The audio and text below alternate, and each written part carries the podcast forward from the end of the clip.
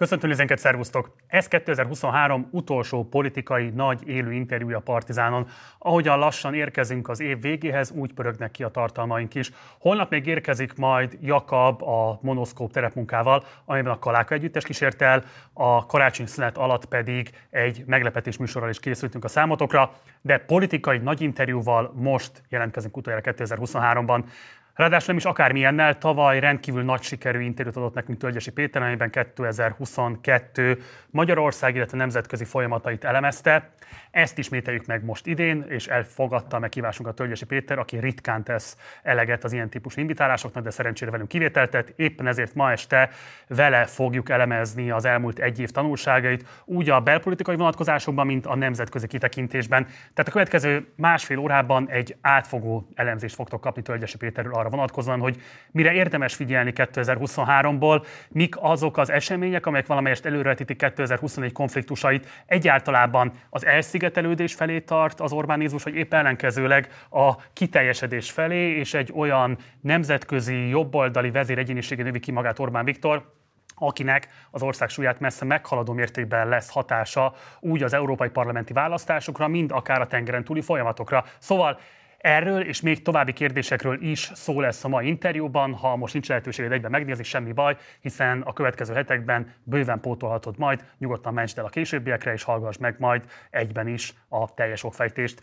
Mielőtt elkezdenénk az interjút, mindenképpen szeretném felhívni a figyelmed arra, hogy néhány héttel ezelőtt elindult a Partizán hírháttér szolgáltatása a péntek reggel, amire, hogyha feliratkozol, akkor kapsz egy hírlevelet, egy podcast beszélgetést, illetve egy videót, amiben egy témát három körbe a különböző formátumokon keresztül, és te döntöd el, hogy mennyire akarsz elmélyedni magában a témában. Ha még esetleg nem találkoztál volna ezzel a hírszolgáltatásunkkal, akkor mindenképpen látogass el a podcast platformjunk bármelyikére, keresd ki magát a péntek reggelt, iratkozz fel rá, és akár visszamenőlegesen is hallgass meg ezeket a beszélgetéseket. Ha pedig arra vagy kíváncsi, hogy a Partizán politikai kommentátor, a szakértője Robbánit hogyan értékelte az évet, akkor pörges vissza a Vétó legutolsó adását, ami szintén egy évzáró adás volt, amelyet Nyíregyházán rögzítettünk, Schulz Nora volt a másik beszélgető partnerünk, és abban az interjúban, vagy pontosabban abban a beszélgetésben a Vétó stáb átfogóan értékelte azt, hogy mégis mik a legfontosabb történései 2023-nak. De ma este Tölgyesi Péterre a szó, úgyhogy fordulok is hozzá. Jó estét kívánok, nagyon szépen köszönöm, hogy elfogadta meghívásunkat. Jó estét!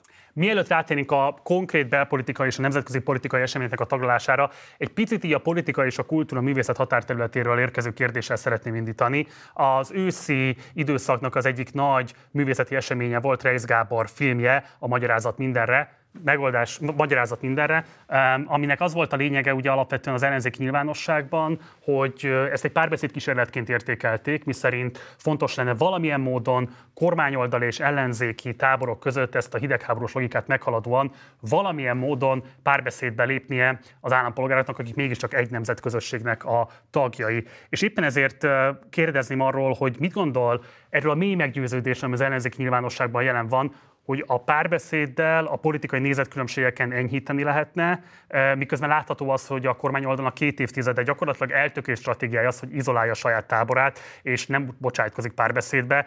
Egyáltalában ön szerint dolga a politikának az, hogy elviselhető legyen, és ha igen, akkor a párbeszéd ezen segíthet-e? Szerintem a kormányoldalnak is jobb volna, ha nem volna egy gyűlölet mennyiség. A, a kormányoldalnak azért kell annyira félnie, hogyha esetleg megbukik, mert, mert, mert rengeteg gyűlölettel találkozik. Tehát nálunk egy, egy esetleges kormánybukás az, az, az nem azt jelenteni, hogy megy a kormány, és aztán majd eset négy-nyolc év múlva visszajön ugyanaz, meg esetleg ugyanazok a szereplők, hanem újabb rendszerváltást jelent. Na most ezt, ezt a félelmet igen, nagyrészt ő maga kelti, ahogy mondja, hogy egy hasadék van, egy, egy Grand Canyon van, ha úgy tetszik a, a, a két oldal között. Ugyanakkor a, a baloldali ellenzék is um, um, um, olyan nagyon sok állításban olyan félelmet kelt a másik oldalban, ami, ami inkább erősödik. Tehát ha normálisabb ország volnánk, stabil demokrácia, akkor persze így lenne. Párbeszéd kell a két oldal között, de nem hiszem, hogy e felé megyünk. Lehet ennél még rosszabb is. Tehát lehet, lehet szenvedélyesebb a szembenállás. Ugye Lengyelországban választás volt, és próbáltam amennyire lehet lengyel, lengyel dolgokat követni. Hát, izzó, izzó tűz van. Ugye, a mai nap, ma, mai nap, mai nap eseményeknél is. és az akkor mindenféle csetepaték. Ez világméretű trend. Tehát ez pusztán jó szándékkal, meg, meg, meg ilyesmivel nagyon-nagyon nehezen lehet enyhíteni. Az Egyesült Államoktól kezdve különböző tempóban, de mindenki e felé rohan már, mint a, a teljes polarizáció és a, a párbeszéd képtelenség felé. Ha úgy tetszik, nálunk jelentek meg szinte elsőként ezek a dolgok. A 90-ben volt ugye az első szabad választás, és a külső elemzők kétségbe esve látták, hogy micsoda gyűlölködés van már, már induláskor, és akkor a többi országban még nem volt. Tehát a többi országban voltak a letűnő kommunisták, meg, meg valami népfrontszerű valami, és nem volt ilyen szörnyű versengés, mint nálunk. Nálunk előre haladott a dolog, de, de másutt is ott van, és van, van aki abszolút túlszárnyal ebben a dologban minket. Tehát nem hiszem, hogy pusztán a jó szándékkal, odamondogatással mi egyébben segíteni lehetne ezen. De az elviselhetőség a politika vonatkozásában ön szerint egy reális, kívánatos elvárás? Kell-e az, hogy a politika elviselhető legyen? A stabil demokrácia lehetetlen nélkül. Tehát ez, ez önmagában, de önmagában válságtényező és destabilizáló tényező. Akkor működik egy, egy politikai váltógazdaság, ha mindenki azt éli meg, hogy ma nekem, holnap neked. Van az a kanti kategórikus imperatívus, hogy én azt számít erkölcsös cselekvésnek, hogy, hogy ugyanazt teszem, amit magamnak kívánok. És hogyha működik a váltógazdaság, ez be is következik. Holnap én vagyok hatalma, ma, ma ellenzékben vagyok, és aztán cserélődnek a szerepek. Lehet, hogy én kihullok a politika mezőnyéből, de a pártom, a mozgalmam nem, nem. Na most teljesen ezen az alapon működnek a politikai váltógazdaságok. Na most Magyarország e, eleve úgy indult, hogy túlzott volt a politikai versengés, és mostanra szélsőségessé vált a, a, a versengés, de mondom még egyszer, ez nem valami magyar betegség, nem valami fátum, hanem az összes nyugati demokrácia különböző mértékig ettől szenved. Ha úgy tetszik, trendindítók voltunk ebben a, ebben a dologban, a többiek fölzárkóztak, vagy egyenesen túlszárnyaltak mindenre. Ez egy világméretű válság, ha úgy tetszik, a nyugati világban. Ahol hát akkor nem érted azzal, hogy ez a típusú polarizáltság azért az alapvetően mégiscsak egy észak-amerikai politikai termék, amelyet csak lekövetett Orbán Viktor is adaptált a magyar viszonyok közepette, hanem kifejezetten amellett érvel, hogy ez a típusú polarizáló közéletmenedzsment, ez alapvetően egy Orbánista fejlesztés? A 90-ben Magyarország egy, egyértelműen a világ elsők között indult el ezen, a, ezen az úton. Orbán Viktor inkább alkalmazkodott ehhez a, ehhez a logikához. Tehát a, a, a leges legelején rengeteg olyan mondatot lehet találni, amikor azt mondja, hogy ebből katasztrófa lesz tehát 92-es, 93-as, 94-es mondatot, hogy itt 20 év, 30 év háború fog bekövetkezni, de, de nagyon hamar rá kellett jönni erre, hogy ebben, ebben a siker lehetősége is benne van. E, egyszerűen omladozóban van a jobb és bal középpolitika, mindenütt beindult valamekkora polarizáció. Ha úgy tetszik, minden politikus szeretne minél tovább hatalmon lenni. Egyszerűen azért, mert hisz a saját sikerében, és a siker nyitja egyik, egyik nyitja pontosan ez lett. Orbán Viktor ezt hihetetlen tehetséggel fölismerte, működtette, és, és ott tartunk, ahol tartunk. Ha úgy tetszik, egy nagyon érdekes ország lettünk, ennek megfelelően hivatkoznak ránk, és a, a, az ország súlya is messze fölötte van ebben a, a, a méretéhez képest. A tavalyi értékelő beszélgetésünk során az Orbán rendszer helyzetét az hasonlította, amikor egy magas hegységben, a tiszta égen elkezdenek gyülekezni a felők, és még nem lehet tudni, hogy egy délutáni szél majd elsodorja őket, vagy hatalmas égzengés kerekedik. Hogy látja az elmúlt egy évet? Az ön megítélése szerint ez már az égzengés, vagy igazából megnyugodhat a miniszterelnök, elfújta a szél a felegeket? Akkor tehát maga a miniszterelnök is azt mondta, hogy, hogy könnyen lehet, hogy 23 életének a legnehezebb éve, vagy legalábbis a 10 úton a levő kormányzásnak a legnehezebb éve lesz. Most ahhoz képest rengeteg probléma megoldódott, vagy megoldódni látszik. Mik azok, amik megoldottak? Hát például sokkal kisebb az infláció.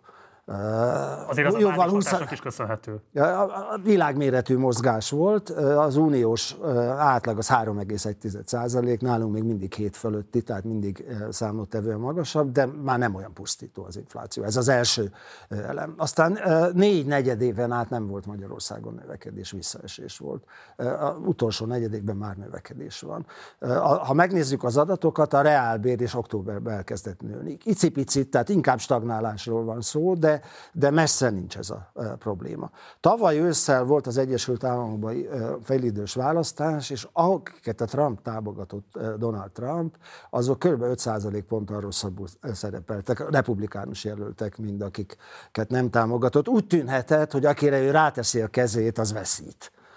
Az akkori kampány fő eleme az abortusz ügy volt, és a, a demokraták lényegesen a várakozásoknál jobban szerepeltek. Ha nekem lett volna ilyen fogadó irodám, legfeljebb 35%-ra fogadtam volna Donald Trumpnak a visszatérését, most mondjuk 55-re fogadnám. De egyszerűen megváltozóban van a nemzetközi helyzet. Ukrán háborútól kezdve az uniós eliteken át minden tekintetben lényegesen nagyobb a miniszterelnök mozgástere. Gyönyörűen látszik a legfrissebb eseményeken is. Magyarország 10,2 milliárd eurót megkapott abból a pénzből, ami egyébként a szabályok szerint járna neki, és 17,6-et még nem kapott meg, tehát még a felét sem a függőben levő pénzeknek, de, de nem úgy nézett ki egy évvel ezelőtt, hogy ez belátható időn belül megnyílik ez a, ez a pénz. Nyilvánvaló, hogy azok a családok, akiknek a fogyasztásában különösen jelentős az élelmiszer fogyasztás, tehát a szegényebbek, nyugdíjasok, mi egyebek, azok, azoknak sokkal, de sokkal rosszabb most is a pozíciójuk. 40 százalék fölötti az élelmiszerinfláció visszatekintve az elmúlt évben, de nem egyenletesen sújtja az infláció a, a lakosságot, meg egyáltalán ezek az inflációs mérőszámok annyit jelentenek, hogy egy hónappal ezelőtthöz, vagy egy évhez ezelőtthöz képest mennyit növekedtek az árak. Tehát kihullanak a régi árak, de nem jelentik azt, hogy csökken az infláció, az annyit jelent, hogy, hogy ugyanolyan rosszul élsz, mint, mint, mint korábban. Hm. Egyáltalán egy átlag család nem azt nézi, mit, mit vannak a statisztikai hivatal számaiban. Hát az, az, azt úgymond szakértők, tudósok, politikusok, ilyen műsorban szereplő emberek mondogatják, elemzik, de egy, egy átlag család számára a hóvége az érdekes. Van egy szokott jövedelem, és hogy mi van a hóvégén sokkal hamarabb elfogy a, a szokott kiadások mellett a, a, a pénz, vagy pedig marad, és lehet valami beruházást, vagy valami nyaralást, vagy bármit csinálni. Most a tavalyi évben nem maradt. Egyszer hamarabb eljött a, a, a hóvége, és Isten igazából ezen semmit nem javult a helyzet. Különösen azok az alacsonyabb státusú családoknál. Elindult valami, azt nem tudjuk pontosan, majd érdemes lesz foglalkozni, hogy mit hoz majd a, a jövendő esztendő, de egyenlőre a családok szintjén emlékezetében még a, még a múlt van, és a családi kasszákban is ez van. Sőt, az a politikus, aki túlzottan elkezdi mondani, milyen piszok jók a számok, az egyenesen kontraproduktíven jár. Horn Gyula csinált ilyet, 77-ben, mikor elindult, bocsánat, 97-ben, mikor elindult valamiféle javulás, és abból tényleg valódi javulás lett később, csak hogy a családok a saját kasszájukon nem érezték, és úgy érezték, hogy a hornyula mellé nyúl, meg, meg, meg égbe dicséri magát, és közben pedig nem a valóságot mondja. Tehát egyenesen veszélyes túlzásba vinni a, a, a dicséretet, de tény, hogy már, már csak nem is Európa rekord a magyar infláció, Cseh, Csehország megelőzött.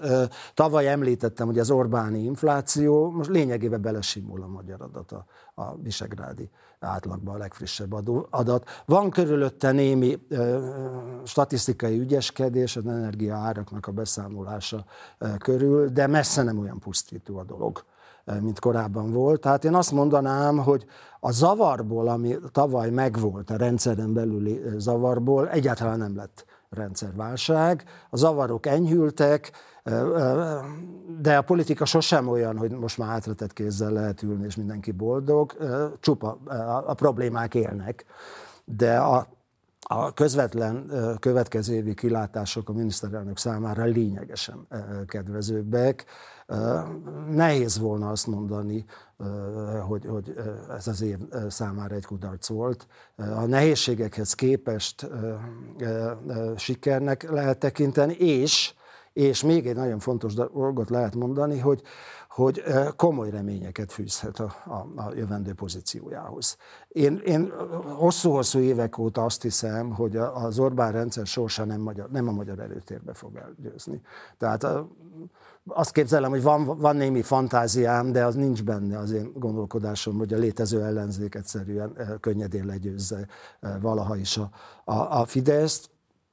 Az látszik a miniszterelnök mozgásában, hogy, hogy a Donald Trumpra tette föl a, a, a voksát, a saját személyes pályáját, az ország pályáját, és Donald Trumpnak az esélyei azok akár tetszik, akár nem, folyamatosan javultak. Beszéljünk az amerikai elnökválasztásról, de kicsit maradjunk az európai szintérnél, és akkor, hogyha a nemzetközi változásokat említette, ezen a vonalon mennék tovább. Ugye a migráció kérdésében volt az az álláspontja tavaly, hogy igazából ott Orbán Viktor kivárása meghozta azt, hogy az ő álláspontja Európa szerte sokkal elfogadottabb lett, mint volt 2015-ben, és hasonló helyzet állhat majd elő az ukrajnai háború vonatkozásában is.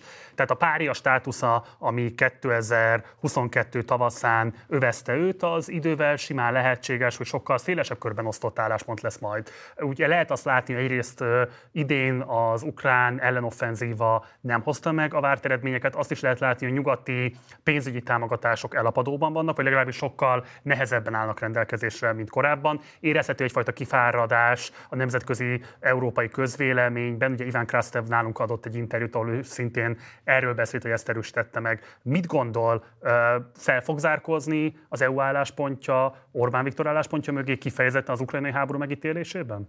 A, a, a, a, egy nagyon kockázatos akcióba kezdett a magyar miniszterelnök, hevesen, élesen ellenezte az ukrán tagfelvételt, az Unióba való tagfelvételt, és meg is vétózta fél órával később a, a konkrét pénzügyi támogatást Ukrajnának. Szerintem a célja nagyjából az volt, hogy jövő nyár elejére benne legyen a fejekben, az átlagember fejében is, hogy az Uniónak és egyáltalán nyugatnak az ukrán politikáját hevesen ellenzi. A, a részletekre már az átlagember nem fog emlékezni, de erre viszont nagyon. Ezt 23-szor aláhúzta, és 23-szor bejelentette. Most a, a, a, a politika, de egyébként minden vezetés nem a múltról, és még csak nem is a jelenről szól, hanem arról, hogy ki látja helyesen előre a jövőt. Ki az, aki igazolni e, tudja magát a jövőben? E, egy, egy, egy tőzsdei üzlet is erre vonatkozik. Tehát ki az, aki előre látja az olajárát? A következő időszakra, az fog nyerni a, a tőzsdén, és aki rosszul látja előre, az veszíteni fog. Most Orbán Viktor tétele az, hogy Ukrajna vesztésre áll ebben a háborúban. Most ez, ez nem valami rendkívüli tétel, az Economist címlapon hozta, hogy jelenleg Putyin álnyerése. Az Unió számára is azért volt fontos az ukrán tankfelvétel elindítása, hogy egy szimbolikus gesztus tegyen. Ez nem volt több, mint egy szimbolikus gesztus. A Törökországgal folynak ilyen tárgyalások 99 óta, és ma távolabb van a török tagfelvétel, mint akkor volt. Tehát az unió vezetői érzékelik, meg egyáltalán a nyugat vezetői érzékelik, hogy az ukránok bajba vannak, és azt akarják üzenni ezzel az ukránok felé, hogy, hogy valamikor majd elérhető lesz az az európai jólét. A rengeteg ukrán menekült van, az ukrán nép alapvetően tisztában van, hogy milyen élet van Nyugat-Európában, és az üzenet az, hogy ti is ezt kaphatjátok, ha kitartotok. Két évtizedig. Ki tudja meddig. Nagyon fontosnak érezte az unió vezetése, hogy ezt a gesztust megtegye Ukrajna felé. Orbán Viktor pedig azt mondta, hogy ez, ez, ez egy túl drága lesz, másképp kell támogatni az ukránokat, nem a folyó költségvetésből, és, és, és azt mondta, hogy a nyugati szankciós politika nem vezetett sikerre. Most tény, hogy Oroszország állja a sarat, inkább ő támad most a, a, a téli hadszintéren, és horribile dictu beúszott annak a lehetősége is, hogy, hogy tavaszra, nyárra esetleg ukrán összeomlás lesz. Uh-huh. Nagyon nehéz kitartani, és hát Oroszország nyilvánvalóan azt követelné, hogyha ha, ha valami béke felé indul a dolog, vagy egyáltalán tűzszünet felé, hogy, hogy Ukrajna mondjon le azokról a területekről, ahol orosz katona van jelenleg, és mondjon le a NATO csatlakozásról egészen bizonyosan, de még, még előfordulhat, hogy az orosz pozícióban az is benne van, hogy unió, uniós tag se legyen. Ez a valós helyzet. Írtózatos áldozatokat hozott. Ukrajna hősiesen harcolt, az ukrán nemzet tudat most épült ki, de írtózatos veszteségei vannak az ukrán népnek.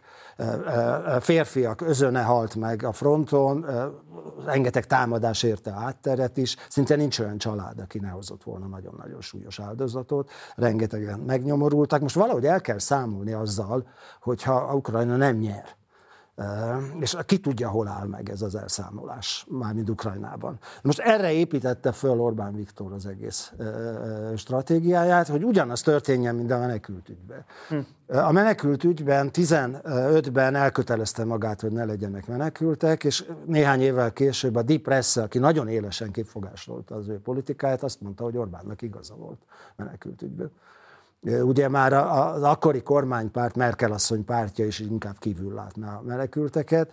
Ha, ha, ha tetszik, ez az ukrán ügy talán még élesebben azt hozná elő, hogy a, a, az Orbán Viktornak lett igaza. Tehát az egész játszma szerintem erről szólt. Magyar baloldali elemzők, de nyugatiak is mondják, hogy, hogy az a, a csicskás a, a, a Putyinnak, kínaiaknak. A, ez egy fontos kérdés. A, Ön szerint egyébként az ukrán támogatás vétójában ez szerepet játszatott a Putyinnal való feltételezett szövetsége?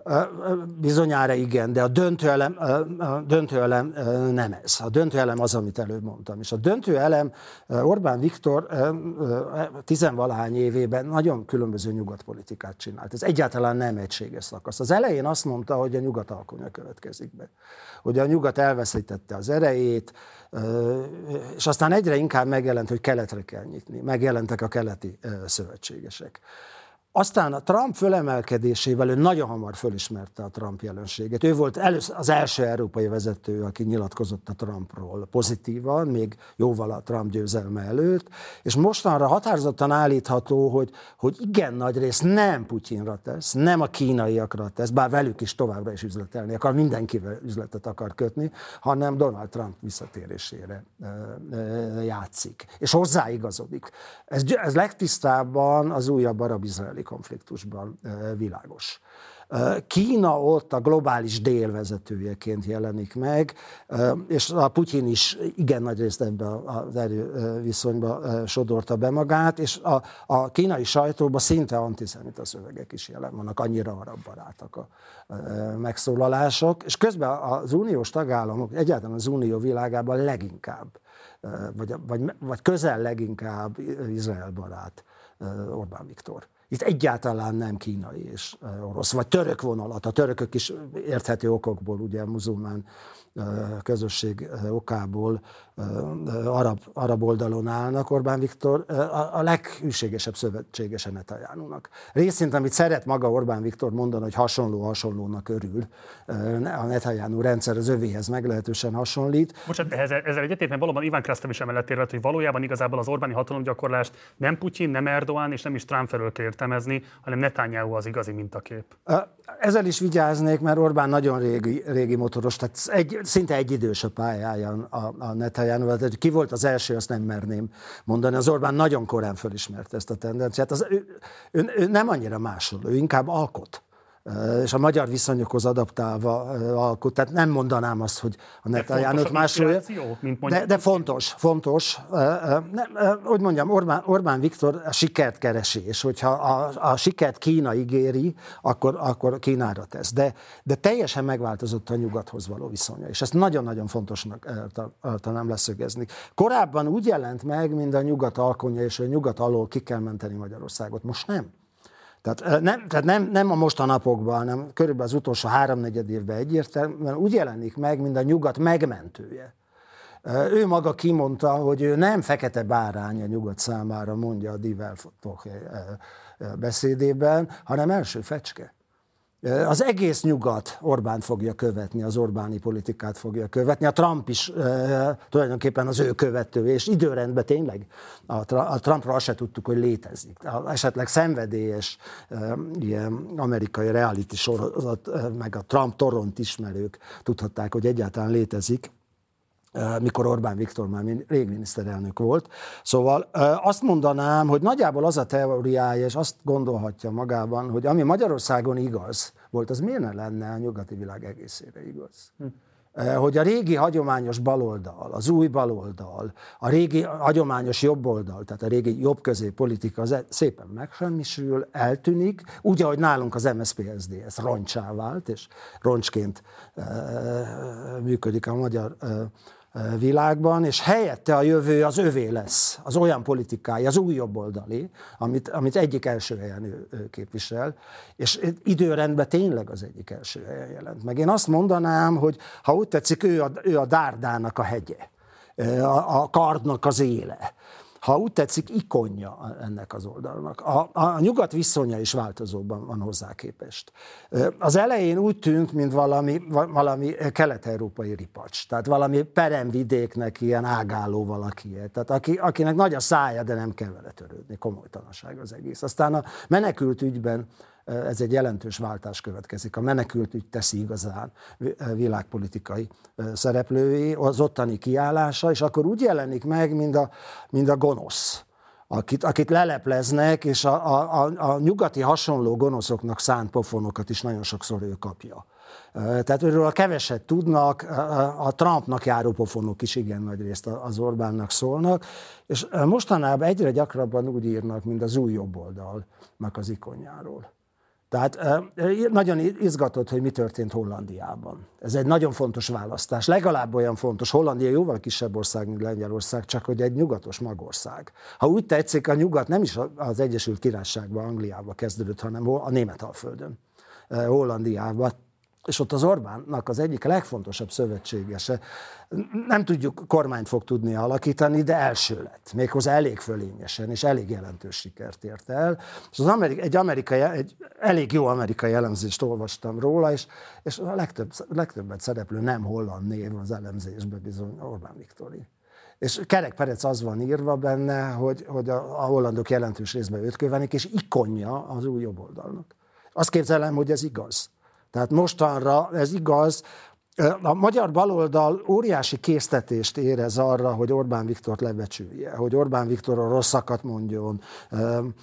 Amikor találkozik az ember egy ellenféllel, akkor nagyon leegyszerűsítve kétféle módja van az ellenfél kezelésének. Az egyik az, hogy egy gonosztevő hogy egy, egy, egy, egy szörnyeteg, egy, még pupos is, ugye a harmadik Richardról a Shakespeare-i ábrázolásban az van, hogy egy pupos szörnyeteg, megtalálták a csontjait, és nagyon úgy tűnik, hogy nem volt pupos. Ezt, ezt a technikát űzi a baloldal. Egyszerűen kényszerét érzi annak, hogy Orbánt levecsülje. A, a, a másik lehetőség meg, hogy értékén kezeljük ezt a, ezt a jelenséget. Akár tetszik, akár nem, Orbán Viktor ha úgy tetszik, világpolitikai tényező lett, és ezzel az országot is világpolitikai tényezővé emelte. Most ez egy hallatlanul kockázatos játszma. Tehát a, a nyugat egésze az több millió, csak az Európai Unió több mint 400 millió ember. És ott van még az Egyesült Államok, Egyesült Királyság, mi egyéb. Egy 10 milliós ország, hát elkép, elképesztő kockázatos, amit csinál. Alava, eleve azt lehet mondani, hogy nemzetközi politikát jobban csinálni, vagy nagyobb erővel csinálni, mint tényleges erő van, az, az, az, az életveszélyes. És nem rajta fog múlni a dolog. Hogy, tehát azt mondanám, nagyon leegyszerűsítve, hogyha ezek az erők, az új jobboldal erői győznek, akkor nem egy választás alatt fognak győzni, hanem tendenciájával győznek, akkor, akkor, akkor egy, egy óriási jelentőségű valami lesz. Ha viszont veszítenek, az, az részint az Orbán Viktor bukásával, Magyarország teljes elszigetelésével és akár az unióból való kiszorulásával járhat. Egyre, egyre szélsőségesebb lehet a, a, a, az, orga, az ország mozgástere ez alapján. De akkor ennek alapján hogyan értékeli a politikai öszt? Ugye azt lehetett látni, hogy Szlovákiában politikai visszarendeződés zajlott le, Lengyelországban politikai váltás zajlott le, Szerbiában megőrződött a status quo. Ebből a szempontból Orbán Viktor mennyi, számára megnyugtatóan alakultak a régiós politikai folyamatok, vagy azért van oka az aggodalomra? Nem lehet ezt mondani, hogy, hogy, hogy egyértelműen megnyugtatók. A legfőbb térségbeli szövetséges Lengyelország volt, és Lengyelországban megbukott az a politikai irány, aki szövetségesnek számított, és tetében közvetlen kampánytanácsadás volt magyar Igen. részről. Tehát, és azok, azok jelentős részben is kudarcot hoztak Lengyelországba. Általában egyik országból a másikba átvinni dolgot nehéz. Nem másolni kell, hanem az adott ország viszonyaihoz kitalálni valamit. Most az Orbán idehaza ebben jelentős, de nem feltétlenül képes Lengyelországba csodát tenni. Az én, az én ifjú koromnak egy kultikus filmje volt a Tanú bizonyára ön is látta, és ott Virág mondja, hogy csapásokat adunk, csapásokat kapunk. Hát nagyjából ez a helyzet. Tehát változékonyak az eredmények. Vannak olyan eredmények, amelyek, amelyeknek örülhet az új jobb oldal, ahogy tetszik, holland választás, Szlovákia esete, és vannak, amelyek meg óriási kudarcnak számítanak. Lengyelország ilyen. Tehát ott nyolc évig kormányzott a magyar miniszterelnökhöz hasonló irány, azért mégiscsak a térség messze legfontosabb ország a Lengyelország. Az egy viszonylag nagy ország, a Spanyolország méretű ország, nagyon mély kultúrával mi egyébben, és ott veszített.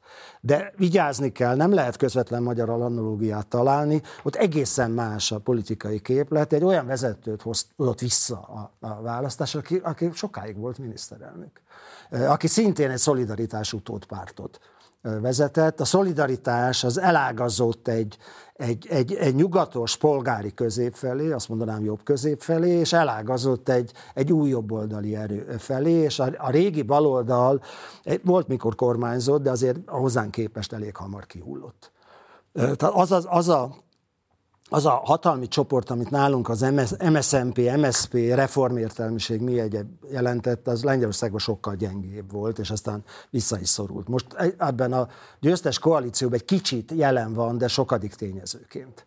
Tehát ott nem lehet, nem, ott, ott nem, megpróbálta a, a Orbán szövetséges erő úgymond gyurcsányozni, csak hogy a, a Tusk időszak egyáltalán nem gyurcsányi időszak volt. A Tuskot újra választották, a Tusk, a, az unió vezetője is volt egy időre formálisan, ugye a, a, az elnöke a, a, a, a, a testületnek, ő, inkább ez egy protokollális tisztség, de, de az, az, az, az többé-kevésbé sikeridőszak volt. Pont ugyanakkor kormányzott, mint, mikor, mint nálunk a baloldal. A magyar növekedési adat például 9,9% volt, a, a lengyelnek 28 de majdnem háromszoros a Tusk ide alatt. Tehát arra lehetett jó emlékkel is emlékezni, soha nem omlott össze. Nem mondanám, hogy baloldal, mert nem baloldal, ez is jobb oldal. A, a szolidaritás Nobel-díjas hőse, a, Lech Walesa tüntetően ott volt a kormány beiktatásánál, és alkotmányosság, mi egyéb címmel. Tehát egyáltalán nem a, a magyar képlet érvényesült, és sokkal erősebb volt a, a lengyel ellenzék mindig, mint a, mint a magyar a, a tízes összeomlás után. Tehát nem lehet analógiát találni. Ennek ellenére a miniszterelnök számadásában akár tetszik, akár nem, a Lengyelország egy súlyos kudarc. Így helyreállítani a visegrádi négyeket, ami egy nagyon nagy siker volt. Magyarország hosszú-hosszú éveken át ilyen, ilyen Trianon utáni kisantant elszigetelésben volt. Ez igaz volt a, a Horti rendszerre abszolút, de szegény Kádár Jánosra is. Tehát a csehszlovák román vezetők mind állandóan áskálódtak ellene. Igazán, igazán szövetségese valamelyest a lengyelek voltak. Most ehhez képest egy komoly változást jelentett a Visegrádi négyeknek az a régi időszaka. Tehát, ha úgy tetszik, egy komoly Orbáni siker volt a Visegrádi négyek. Korábban a Visegrádi négyek hátán mászott magasra. Tehát láttam a világsajtóban olyan képet, hogy a Visegrádi négyekkel tárgyal az unió vezetése, balról a harmadik Orbán Viktor. Ez volt a kép aláírás. Tehát akkor is ő számított az első számú vezetőknek, nem a lengyelek de ezen át emelkedhetett világpolitikai magaslatra. Most már nincs akkora szüksége a visegrádi dologra, mert van más. Van Donald Trump, vannak a hollandok, ott van Meloni asszony, egyáltalán nincs áttörés. Tehát egy szóval sem állítom, hogy áttörés. Jövőre Európa parlamenti választás is lesz. Szerintem erősödni fognak az új jobboldali pozíciók, akár számottevően, de nem, Európában nem várható összeomlás. Csak hogy, csak hogy mindent megváltoztat majd az őszi amerikai változás, elnökválasztás, ha, ha, ha Trump visszajön. Ha nem jön vissza, akkor marad mostani helyzet, de akkor is folytatódik az a, az a tanús szituáció. Tehát a történetnek nem lesz vége. Nem, nem lesz olyan vége, hogy egy választás, és akkor pont vége annyi 600. Az annyit jelent egy, egy ilyen választási eredmény más körülmények között, de folytatódik a küzdelem. Ez egy tartós küzdelemnek ígérkezik. Ugye a jövő évi választások közül talán kiemelkedőnek mondhatjuk az európai parlamenti választást, és korábban úgy fogalmazott, hogy Orbán Viktor szemben csak nem az egész uniós elittel, továbbra sem igazán értik ők a politikáját, de mint hogyha igazából fordulna a trend, tehát most például a különböző pénzek kifizetések kapcsán, a jogállamisági mechanizmusok vizsgálata kapcsán, azért azt lehet látni, hogy mintha az uniós elit tanulna Orbán Viktortól legalábbis abban a vonatkozásban, hogy hogyan lehet egy politikai célt eljárásrendi kérdéseken keresztül prolongáltatni, és ezzel őt magát egyébként valószínűleg valamilyen fajta politikai belátás vagy kompromisszumra rábírni. Mi gondol erről az értékítéletről? Egész biztos, hogy az uniós elit tanulja Orbán Viktort. Tehát korábban az volt a feltevés, hogy Orbán Viktor egy fölfújt béka aki nagyra, nagynak mutatja magát, de valójában akar ezt vagy azt, valami alkut akar, alkut akar kötni. Most, mostanra egyre több európai vezető tanulja meg, hogy Orbán Viktor egy háborús ellenfél, egy harci ellenfél, és, és, és, és Isten igazából nem abból ért, hogy adnak neki valamit, az újabb követeléseket fog támasztani, akkor újabb és újabb követeléseket, határa csillagos ég, hanem abból, hogy ha, ha, ha vissza is ütnek időnként. Hm visszaütöttek, nagyon keményen visszaütöttek. A Magyarország megkapta az agrártámogatásokat sértetlenül és rendben, a régi támogatási formákat is tudtuk még bonyolítani és kaptuk, viszont két nagyon fontos csatornát, a, most induló, vagy kicsit korábban induló költségvetési időszakra való kohéziós alap pénzeit teljes egészében fölfüggesztették, plusz volt a járvány miatt egy helyreállítási alap, és abból se kaptunk egy pénzt sem majdnem, majdnem 28 milliárd eurót jelent. Ez, ez akkora csillagászati összeg, hogy szinte föl se lehet fogni, hogy mekkora. Nem egy évre szól, de, de egy igen jelentős összegről van szó. A hivatkozások azok nem azok voltak, hogyha alapvető politikai ellentét van közöttük. Ezek is elhangzottak a sajtóban, hanem nagyon konkrét állítások voltak. Korrupcióra utalás, sajtószabadság, etc. dolog, és az Orbán Viktorik azt mondták, jó, megpróbáljuk kijavítani és elkezdték, elkezdték ezeket eh, javítgatni, és bizonyos pontokon mondta az Unió, hogy ezt várja, és az Orbán kormány ezeket többé-kevésbé teljesítette. Bizonyos értelemben behúzta magát a csapdába az EU, hogy, hogyha teljesíti ezeket a mérföldköveknek mondott pontokat, akkor, akkor fizetnie kell.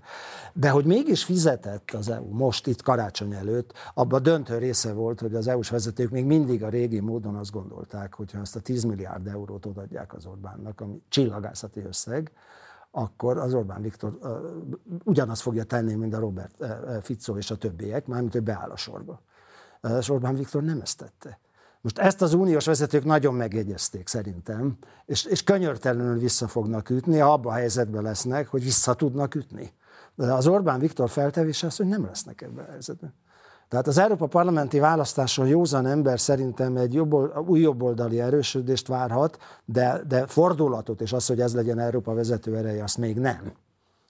De, de megint oda lyukadok ki, hogy mi van, ha jön a Trump mi van, mi van Ukrajnával? A Trump azt nyilatkozza, hogy egy nap alatt befejezi a háborút. Az csak az lehet, hogy azt mondja az ukrán vezetőknek, hogy vége, nincs, nincs jelentős amerikai támogatás aztán. Így lehet egy nap alatt befejezni a háborút, és valami alkú, amerikai-orosz alkú Ukrajna feje fölött. Most ezen túl Amerika érdeke az első, az Unió, az Unió írtozatosan nehéz helyzetbe kerül Amerika nélkül. Nincsen igazán hadserege. Már pedig az ukrajnai háború azt mutatja, hogy katonai erő is kell. A, a, a szankciók, a gazdasági szankciók alig hoztak eredményt. Egész biztos, hogy nagyon súlyos kellemetlenségeket okoztak Oroszországnak, de még nyereség is megjelent orosz oldalon, rövid távon. Egy csomó nyugati cég kivonult, és lényegében ingyen meg, megszerezte az orosz állam, illetve a, a, ő haverjai azt a vagyont. Láttam rá elemzést, amely szerint 100 milliárd dollárnyi vagyon került így orosz kézbe a, a különböző kivonuló nyugati cégekből. És ez egy igen jelentős finanszírozási eszköz, a, a, a meg, meg hatalom stabilizáló eszköz a Putyin számára. Tehát az derült ki, hogy szükség van például hadseregre. Az, unió, az uniónak igazán egészséges gazdasága, dinamikus országa nem nagyon van. Eddig az unió gyakran volt válságban, gyakran volt valami terv, és valahogy mindig az volt, hogy a németek végül fizetnek. Hm. Tehát az volt a megoldás, hogy, hogy, hogy a kicsik azok akkor is fukarok voltak, és azt mondták, hogy nem, ez, ez túlzás, erre nem adunk pénzt, de a német, a német gazdaság olyan erős volt, hogy a végén a németek finanszírozták ezt a dolgot. Nem egyből és nem rögtön, de azért, de azért beszálltak a dolgokba. Na most már alapvetően a Németország a világgazdaság egyik beteg embere. Eh, a német autóipar, ami egy vezető a, a magas szegmensben, tehát a prémium, úgynevezett prémium kategóriába, eh, BMW, Audi, Mercedes, Kínába is hasított. Most az ele, furcsa mód a, a, a mostani kormány az egyik legzöldebb kormány az egész világon, és elektromos autót e, kíván, és ez, ezzel, ha úgy tetszik, szinte kirit követett el a saját autóiparral szembe. Szóval a Németországnak az a húzó ereje, ami, ami uh, utoljára Merkel asszony idején volt, de még korábban még erősebben, az eltűnőben van. Uh, nagyon nehéz helyzetbe kerülhet az EU erit, hogyha ha elveszíti Amerikának a, a, a közvetlen szembenállását, és nem valami táv távoli jövőben, hanem, hanem rögtön már nem 24-ben, mert elnök, amerikai elnökválasztás csak novemberben lesz, hanem majd január után, hogyha bekövetkezik az a dolog, ami bekövetkezik. Félreértés ne essék, egyáltalán nem azt állítom, hogy biztos, hogy visszajön a Trump. De már számolni kell ezzel a lehetőséggel is. Ennyit mondok. De hogyha visszajön, valóban tud-e olyan áttörést elérni ezen keresztül Orbán Viktor, mint amiről fantáziált. Tehát 2019-ben a legutóbbi LP választáson ö, új jobboldali áttörésben reménykedett, ez csúfosan nem jött be, sőt utána az olasz választáson nagyon komoly téteket tett Meloni asszonynak a szövetségi pozíciójára, ami látható, hogy nem jött be szintén, hiszen Meloni az egyik legelkötelezettebb atlantista vezetője az európai államoknak. Az ukrán szabadságharc vagy háború ügyének is egy igen elkötelezett támogatója. Nem látszik az, hogy különösebben az Orbáni kottából próbálna játszani. Tehát, hogy ha lesz is ilyen típusú visszarendeződés, mondjuk Donald Trump visszajön, bár egyébként amikor Orbán Viktor valóban elsőként biztosította támogatására még a 2015-ös tusványosi szabad egyetemen, nem látszott az 2016-17-18 vonatkozásában, hogy Donald Trump bármit is gesztusként gyakorolna cserébe Orbán Viktor irányába. Tehát amennyiben létre is jön egy ilyen adott esetben Orbán Viktor kezenyomát magánviselő, új jobboldali, nemzetközi áttörés, nem áll elő az a helyzet, hogy valóban az ország méreténél, nemzetgazdasági erejénél fogva egész egyszerűen Orbán Viktornak nincsenek olyan lehetőségei komolyabb érdemi támogatást biztosítani, ami miatt szükség lenne az ő szövetségi eh, támogatására, részvételére egy ilyen konglomerátumban. Tehát, hogy egész egyszerűen az a, nem tudom, egy mozgalom, vagy eh, politikai irányzat, amelynek lehet, hogy ő az ikletője, simán lehet, hogy ő lesz az elszenvedője az ő hatalomgyakorlásuknak rengeteg állítást elmondott, és jelentős részük abszolút egyet is értek. De egyelőre innét vagyunk a változáson. Tehát a Meloni asszony történet óriási mértékben számított Meloni asszonynal. Akkor még esetleg azon is lehetett gondolkodni, hogy, hogy egy, egy blokkoló kisebbség lehet Olaszország, Lengyelország, Magyarország, meg még egy-két kis államnak a sorsa. Most, ha, ha úgy tetszik, az olasz gazdaság még betegebb, mint a, a német. Az unió összes gazdaságával komoly baj van, és még az Egyesült Királysággal is egy hosszú, nagyon alapos tanulmány készült a Angliáról, Egyesült Királyságról, a Hanyatló Nemzet címmel. Ez volt, a, ez volt föleírva. Tehát mindenütt baj van, de és Olaszország az egyik legbetegebb ember. Olaszország elképesztő módon rászorult az uniós segítségre, és Meloni asszony pragmatikus és egyszerűen sikeres akar lenni. És csomó gesztust tett az Orbán felé, de nem többet, a tényleges politikájára nagyjából, áll, nagyjából az áll, amit mondott. A Donald Trump is ugyanezt azt csinálta, ami, ami a kérdésben elhangzott. Én lényegében szerintem észre se vette, hogy ez az Orbán létezik. Azóta azért sokat változott. Szinte nincs olyan hét, hogy ne hivatkozna pozitívan Orbánra. Ugyanak az is tény, hogy Törökország elnökétől kezdve minden csodának nevezte. Úgy tetszik, igazi Trump módjára szólalt meg a dologról, de, de itt többről van szó, mint személyes szimpátiákról, meg, meg mi egyébről. Egyszerűen az a világkép, ami, ami, ami a régi elitek voltak, illetőleg nem csak új jobboldal van, hanem új baloldal is van, a körül van egy ha nagyon komoly válság, amelyek vannak gazdasági, társadalompolitikai és vannak eszmei eleme is ennek a válságnak. És ez mutatkozik meg a, a Trumpban. A Trump ellenfelei Donald Trumpot úgy próbálják láttatni, mint az Orbánt az ő ellenfelé, kísértetiesen ugyanaz. Ez egy szörnyeteg egy, a, a, a Trump rendszeresen mond olyanokat, amik abszolút képtelenségek. A, a Orbán Viktor jóval ritkábban tesz ilyeneket. Ha lehet hasonlítani a magyar idősebb közönség számára, Tordjános hasonlítható leginkább. Ugyanakkor, hogy a Tordján is, a Donald Trump egy, egy pragmatikus valaki, és a, ennek nagyon, nem pusztán arról van szó, hogy egy szörnyeteg meg akarja változtatni Amerikát, el akarja rabolni, ha úgy tetszik Amerikát, hanem, hanem nagyon mély válságelemek vannak mögötte a, a, a Donald Trump tápogatottsága mögött. Egy, egy demokratákhoz nagyon közel álló agytörös csinált egy részletes közvéleménykutatást, ahol például 32 témában a kérdés úgy szólt, hogy ki az, aki többet tud segíteni. Donald Trump és a republikánusok, Biden elnök és a demokraták. Hm. És ö, olyan témákban, hogy a női egyenjogúság, női jogok ö, fölényesen vezet a, a Biden. Éghajlat fölényesen vezet a, a Biden. De a, a, az a kérdés volt, hogy a kisemberek védelme, e, ezeknél is jobban a, a Trump. Tehát a kis embereket ő védi meg. Aztán az elit ellenes dolgok. És ami, ami aztán különösen szinte sikítani lehet, az a kérdés, hogy a szélsőségek elleni védelem, képzelje el, 3 ponttal a hm. Trump nyeri a szélsőségek elleni védelmet. Szélsőségesebbnek lát, és van egy másik kutatás, ami 9 ponttal szélsőségesebbnek látja, 9 kal többen látják szélsőségesebbnek a demokratákat, mint a republikánusokat. Aztán arra a kérdésre, hogy kik azok, akik gazdasági problémákat meg tudják oldani, megint eléggé jelentősen a republikánusok vezetnek, és nem beszélve olyan dolgokról, mint a bűnözés, ami mindig nagyon fontos Amerikában, vagy a bevándorlás kérdés, ott elsöprő a, a republikánusok fölénye. Maga az agytrözt azt írta erről, hogy drámai a, a, a, a helyzet sok tekintetben. A, a korábbi demokrata koalíció az azon nyugodott, hogy van az amerikai kisember, alsó középosztály, ez a, a New Deal középosztály, ha úgy tetszik. Vannak a különböző kisebbségek, afroamerikaiak, bevándoroltak, latinók, mi egyebek, és van a kulturális egyetem és egyéb elit, a Hollywood, meg mi egy, és a mainstream sajtónak a szövetsége. Most ez is elkezd bomladozni.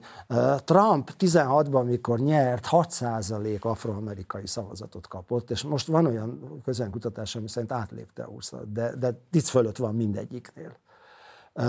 Egészen egyszerűen, kicsit a magyar módra is, ott is jelentős infláció volt, hozzánk képest jóval kisebb, de jelentős infláció volt. A, a, a színes szavazók azt mondják, hogy semmit nem kaptak a demokrata pártól. Nekik a problémájuk az, hogy nem tudják kifizetni a számlákat. Mm. El vannak szegényedve, és a Trump alatt meg ki tudták. A Trump férfiassága sok színes férfira is hatást gyakorol. Egyszerűen ugyanaz történt, mint nálunk, sőt Amerikában előbb, hogy kicserélődtek a pártok közönségei a, a, az alsó középosztály, a, munk, a fehér munkás Amerika, az a Trump mögött van. A kiáltó arányban 60% fölötti van a, a fehér egyetemi végzettséggel nem rendelkező embereknek az aránya. Arra a kérdésre, hogy ki az, akit a, a a középosztály leginkább el tud fogadni, és középosztály támogató politikát csinál, közel 30%-kal a demokraták vezettek szokásosan a New Deal óta. És most majdnem beérte a, a Trump őket és egy csomó más probléma is létezik. A, közönség jelentős része egyáltalán nem, nem látszik most vevőnek erre a szörnyetek dologra. Most ahogy közeledünk az amerikai választáshoz, előfordulhat, hogy ez az, tehát messze vagyunk még a választások. Jövő november lesz, tényleg az a problémája a családoknak, hogy hogyan fizetik ki a számlákat. Lehet, hogy hatni fog ez a, ez a dolog, hogy jön a szörnyeteg és hambekap mindent, és elpusztítja a demokráciát és mi egyebet. Ez hatott úgy, ahogy, de hatott korábban, de, de, de nem biztos, hogy hat. Ez, a, ez adja, ez adja a, a, a, ez a kettő dolog, az elégedetlenség a régi elitekkel ö, szemben, és ez adja, a, a, és az, hogy szélsőségesebbnek látják, az új baloldal csomó követelése miatt a, a, a Trumpot. Most ezen kívül a baloldalt elképesztő módon megosztja generációsan például az újabb izraeli arab konfliktus. elképesztő módon megosztja.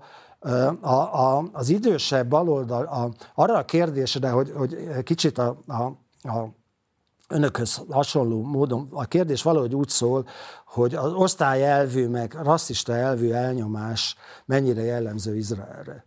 És a, a 65 évnél idősebb generáció csak 9%-ban mondja, hogy igaz ez a, ez a dolog, és a 26 év alatti generáció pedig 60 valahány van.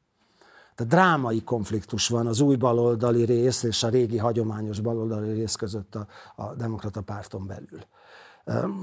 Egyáltalán nem merném azt mondani, hogy bizonyos, hogy ez, ez bekövetkezik, de, de egy egészen, de, de ha bekövetkezik, tehát még lehet, hogy az ökonomisztnak van igaz, hogy 50-50, de az nagyon sok már. Az, az 50, arra már lehet üzletet alapozni, ha, ha úgy tetszik. És, és, és ez a Trump egy nagyon más Trump lesz. Tehát itt vannak már, vannak már mögötte agytröztök, arra a kérdésre, hogy diktatúrát fog-e csinálni, és azt mondja, hogy soha, csak az első nap listákat vezetnek arról, hogy kiket akarnak leváltani. Az a, az a gyanúm, hogy a, a Trump is érzi, hogy ez nemzetközi méretű dolog. Nem hiszem azt, hogy Magyarország súlyának, súlyánál sokkal jelentősebb szerepet játszhat ebbe, de, de, de, de mint szimbolikus tényező, mint a Dárda hegye, a Dárda éle, az ott lesz.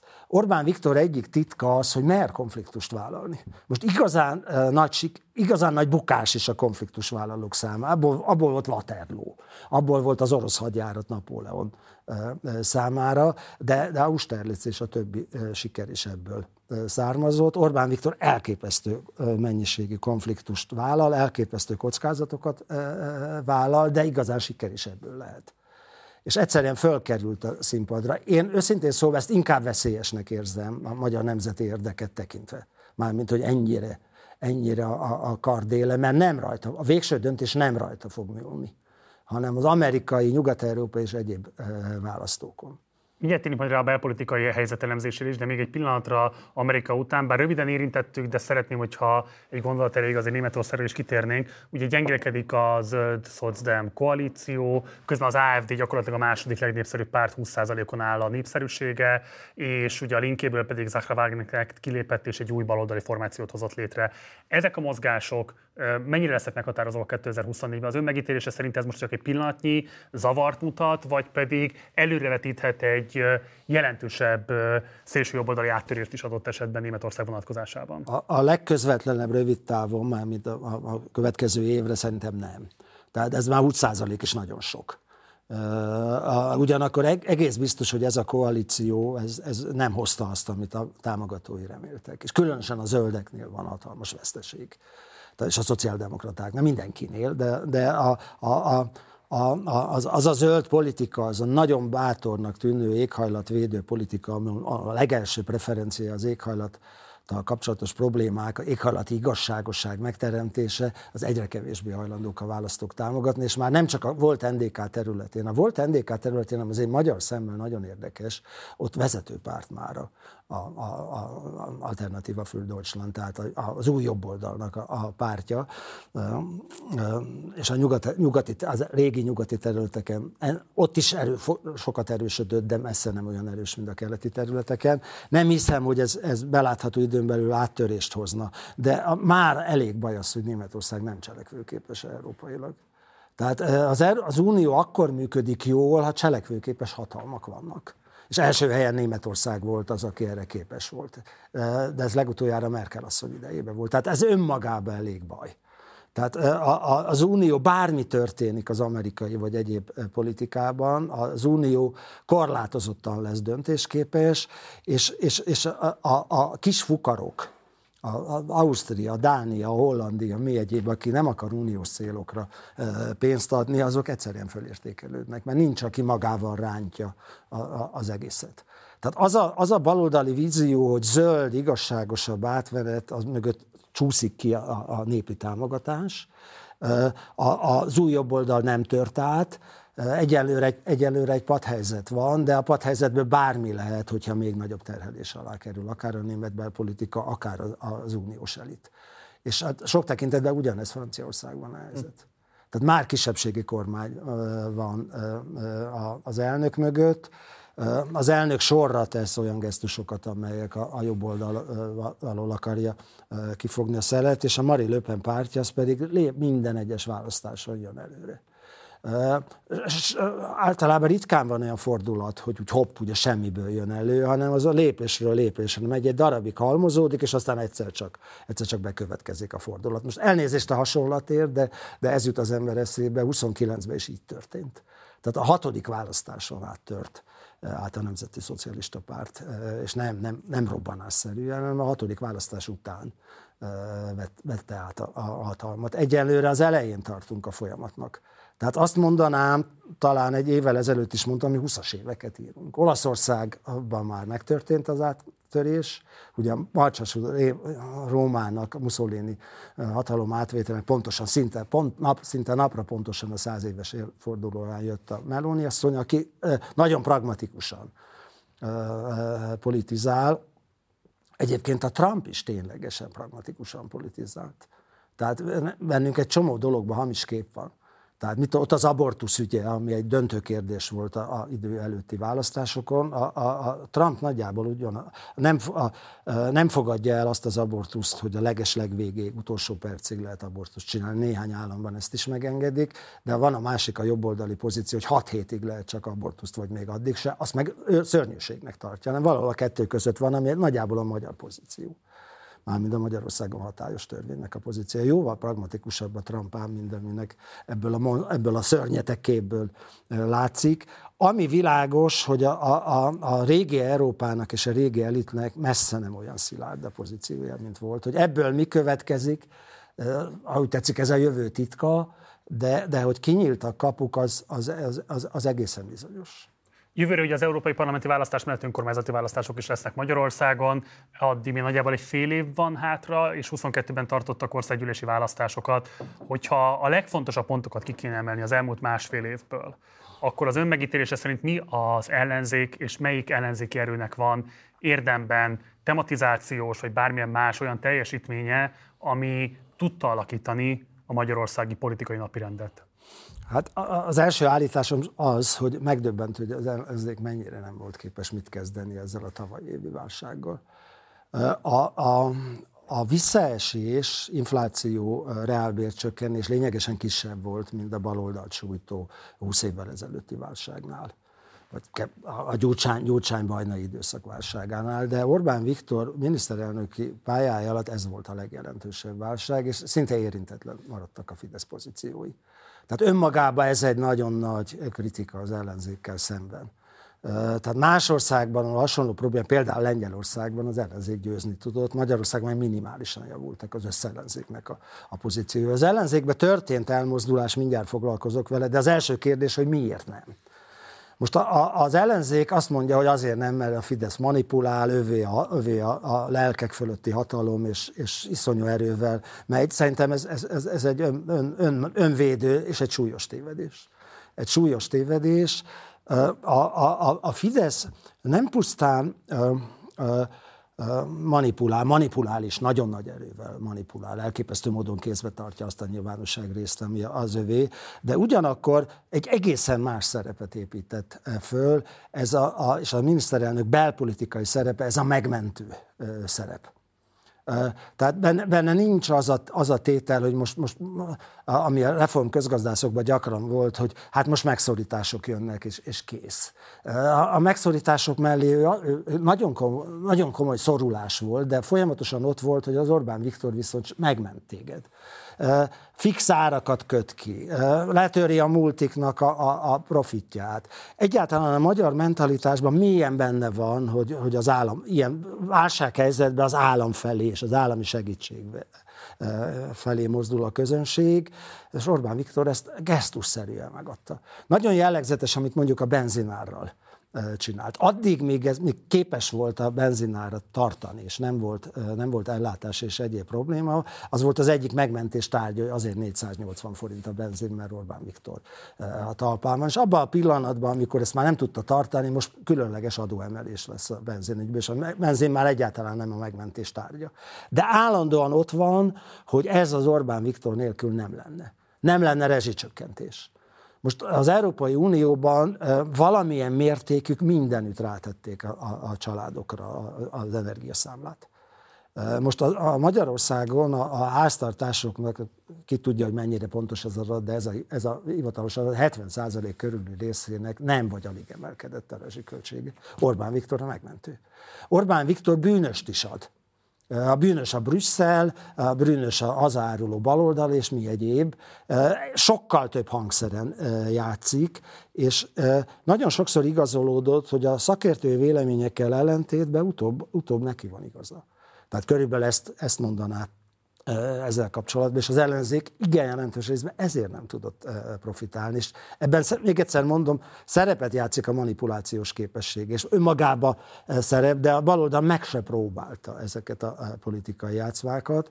Orbán Viktor sikeresen űzi. Most amit, ami magát az ellenzéket illeti, az ellenzéknek ez egy kiválóan alkalmas terep. Nem annyira az önkormányzati választás, hanem a vele egy időbe tartott Európa parlamenti választás, hogy fölmérjék, hogy ki hol tart.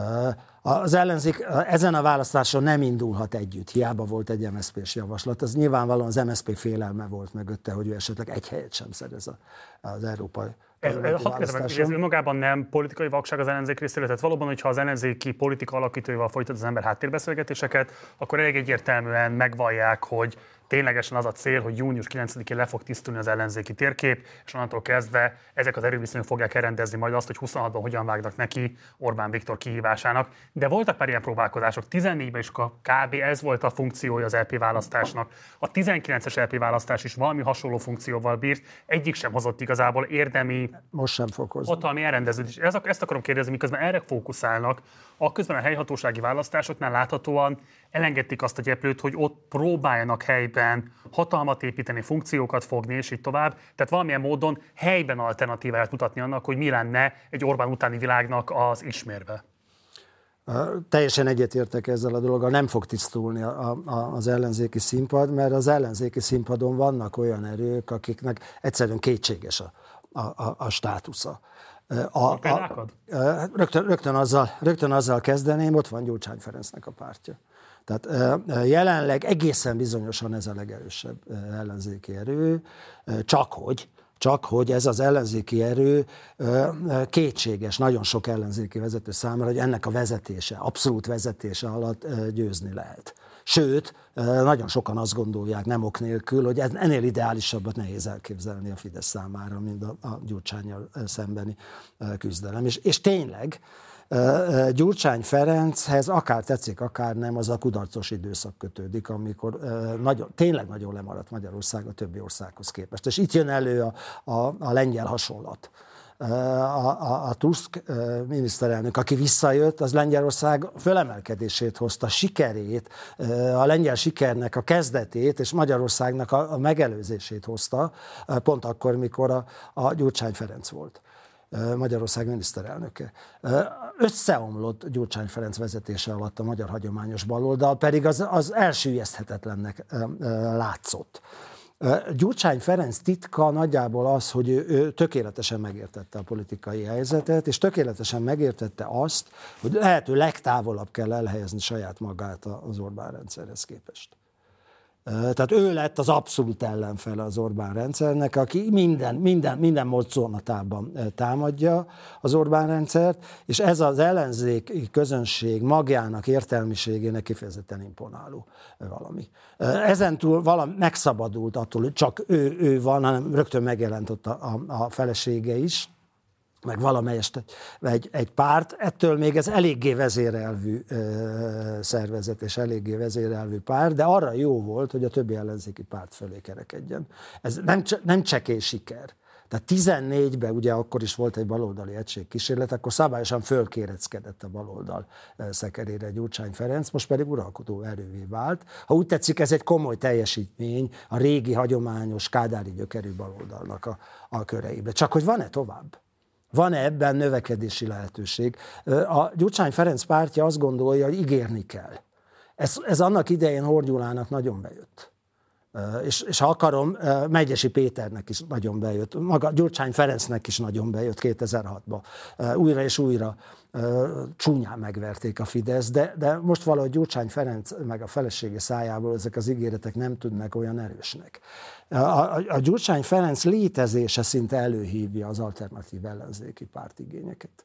Tehát addig még a Gyurcsány Ferenc létezik, lesz olyan ember, aki azt mondja, hogy a Gyurcsányra nem, de másik ellenzékire igen. Most ezek közül a legígéretesebbnek a Momentum tűnt. A Momentum egy generáció pártjaként jelent meg, kicsit a Fideszhez hasonlóan. Mi vagyunk a tisztáknak a nemzedéke, nem vagyunk ebben a sok sáros dologba benne. Most ezen túl ez a, a, a, az unióban gyakornokoskodó, nyugati egyetemet végzett, erősen nyugathoz kötődő ifjúságnak volt a, a mozgalma, és nagyon jól csináltak valamit, mert volt, végre lett valami más is, mint a hagyományos baloldal, aki szörnyű kudarcot szenvedett. Elitjével, értelmiségével, mi egyébbel a, a 2000 utáni években. Bár nyolc évet kormányozhatott, és egy komoly esély. Pont akkor kormányzott, mikor a térségben legjobb volt a konjunktúra. A végén ugyan jött a nagy válság, ugye a 2008-as világméretű válság, de előtte a térség legjobb időszaka volt. Akkor sorra tartós kormányok voltak. Az a, a Tusk időszaka, vagy a Zurinda kormány időszaka Romániába. Tehát a, a Momentum jó, hogy megszületett, de ugyanakkor mára teljesen kifulladni látszik. Tehát a Momentum számára már egy, már egy mandátum szerzése is siker volna. Tehát az a betörés, az nem sikerült. Ha, ha úgy tetszik, az új baloldalnak a és tetében annak a, annak a, a nyugatosabb kapitalizmus hívő részének a, a, a pártja, és nem igazán van ott új ötlet, új erő, igazán politikai akciót se tudnak ö, végigvinni. Látszik, hogy az is bolond, aki ma Magyarországon politizálásra adja a fejét, és egyszerűen tehetség meg egyéb hiány is van abban a, abban, abban a pártban. Miért, bocsánat, az, hogy most ugye Donát Anna át fogja venni a pártvezetését Gelencsér Ferenctől, amit azért az ellenzéki nyilvánosság régóta várt, talán el is várt Donát Annától, tehát az, hogy ő most vezető szerepet vállal, ez nem adott egy új lendületet a Momentum számára? Ez elhúzhatja az egy mandátumot a, a, a semmi helyett, esetleg még a kettőt is. Mert ugyanis az, hogy van egy csomó új párt, meg régi is, akik, akik, akik kétséges, hogy a 5%-ot elérik-e. És egy csomó mandátumot újra osztanak. Tehát szavazat lesz rá, de, de azok, akik elérik az ötöt, azok között újra elosztják. Tehát viszonylag könnyű lesz kettőt szerezni, ha sok kieső lesz, már pedig rengeteg új jelentkező van. És ezekről mit gondol, bocsánat, tehát ugye rengeteg jobboldali párt jelenik meg most az elmúlt fél évben, akik jobbról kívánják előzni a Fideszt, és az a mondásuk, hogy igazából innen lehet megfogni a kormánypártot. Vona Gábor formációja, Márkizai Péter formációja, Jakab Péter formációja, hogy akkor még a jobbikról és az egyebekről ne is beszéljek, tehát hogy számtalan jobboldali párt mutatkozik az ellenzéki térfélen. Lehetséges jobboldalról kihívni a Fideszt? Én szerintem ez, ez nem igazán jobb oldalról való kihívás. Van jobboldali kihívó, a, a Duró Dóra és a, a férjének a pártja. Az szerintem meg is fogja szerezni a maga parlamenti mandátumot, akár többet is. Ugye az országgyűlési választásokon közönkutatók nehezen mérik annak az erejét, nagy meglepetést okozva rendes parlamentbe is bejutott. Most is vannak saját témái, simán szerezhet két mandátumot is. Ő van igazán jobbra, tehát ő az, aki föntartja, úgy tetszik, a centrális erőteret, nem a régi módon. A régi jobbik erejének az elérése nincs előtte. Ezek a, ezek a kis pártok, részben új jelentkező, részben régi pártok szerintem, ha úgy tetszik, balra vannak a Fidesztől, nyilvánvalóan a régi baloldaltól meg jobbra, ebben az értelemben igaz, amit mond, mármint, hogy jobboldali kihívást jelentenek. Szerintem ebben az erőtérben van szavazó. A 6-8 százalék szavazó is lehet ebben az előtérben, de legalább négy potens jelentkező van erről. Hogyha csak testvérésen szétosztják azt a, azt a 6-8 százalékot, akkor meg se közelíti egyik sem az ötöt. Önt meglepte a két pártnak az erősödése? Egyáltalán nem. Az a csoda, hogy nem erősebb Magyarországon. Tehát ahol ekkora válság van, és ennyire polarizált a, a politikai szerkezet, mindig van olyan eh, szavazó, aki egyszer menekülni szeretne az egésztől. Most az egyik menekül... azért már túlmutat a protest szavazatoknak a begyűjtésén, nem? Van, vannak ahol ilyen viccpártok, kalózpárt, eh, akik fölle mozognak, tehát eh, általában egy választáson nagyon jól szerepelnek, és utána lejjebb mennek, de még ez sem biztos. Tehát ahhoz képest, hogy milyen elég elégedetlen a magyar közönség a politikai kínálattal. És, és, és azért csomó emberben benne van, hogy jobb, jobb elmenni szavazni, azért mégiscsak hagy szavazok már valakire. Pláne magasabb státusúban ott van ez az érzés, hogy az nem tüntetés, hogy otthon maradok. Az alacsonyabb státusúaknak a, a fegyvere. Tehát inkább azon csoda, lehet csodálkozni, hogy nincs ilyen Magyarországon, és nem annyira most, mostanában kevés szellemes hírt olvasni a két farkú kutyák, de régebben tele volt ilyennel. De bármit megígérünk, csak tessék mondani, típusú dolog. A, a, a kétfarkú kutya az összesre nagyon komoly veszélyt jelent, és a Momentumra. Tehát a, a Momentum, akinek nincsenek olyan elkötelezett szavazói, mint Gyurcsány Ferenc pártjának, a valódi rivális a, a, a két farkú kutyapárt. Tehát ezzel is magyarázza mondjuk azt, hogy Donát Anna kifejezetten nyílt és küzdelembe kezdett folytatni a DK-val és, a, és Gyurcsány Ferenc pártjának szemben kifejezetten az tette mögött a cél, hogy megkülönböztesse magát a DK-tól, és egyben a kutyapárt szavazói számára szimpatikusát tegye saját magát?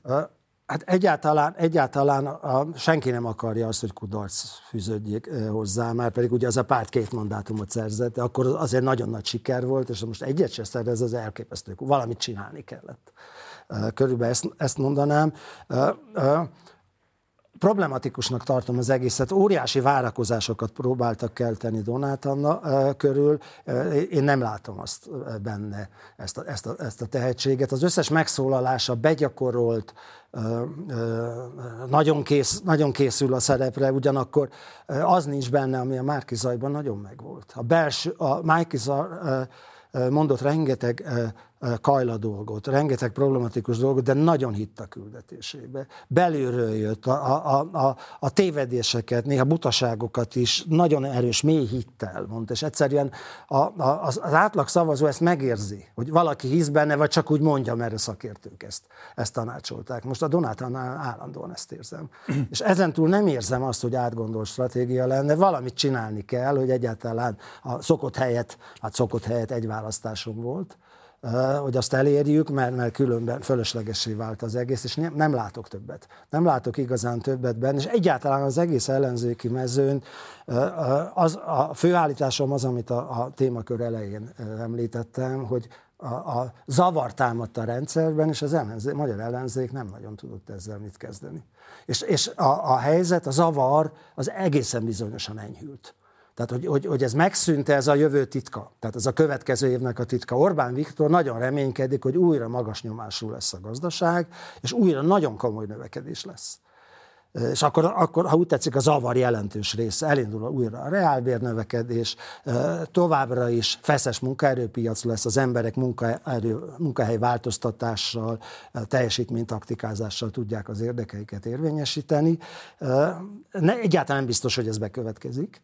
Er, vannak kételjeim ebben a dologban, jelentős kételjeim, hogy bekövetkezzenek, de, de, de a, a, az elmúlóban levő évhez képest egyértelműen javul, javuló tendenciát mutat rengeteg, rengeteg dolog. Hogyha ezzel nem tudott mit kezdeni az ellenzék, mit tud kezdeni azzal, ami, ami számára egy nehezebb időszak lesz a magyar baloldalnak az egyik nagy problémája, és ez igen nagy rész nem a vezetőkből származik, hanem magából a közönségből, hogy messziről kell kezdeni. A Fidesz folyamatosan szűkíti a baloldal mozgásterét. Kulturális területeket ragad el, újra és újra egyre szűkebb területre szorítja a baloldalt, és a legfontosabb, a fontosság tudatát veszi el a baloldali embereknek.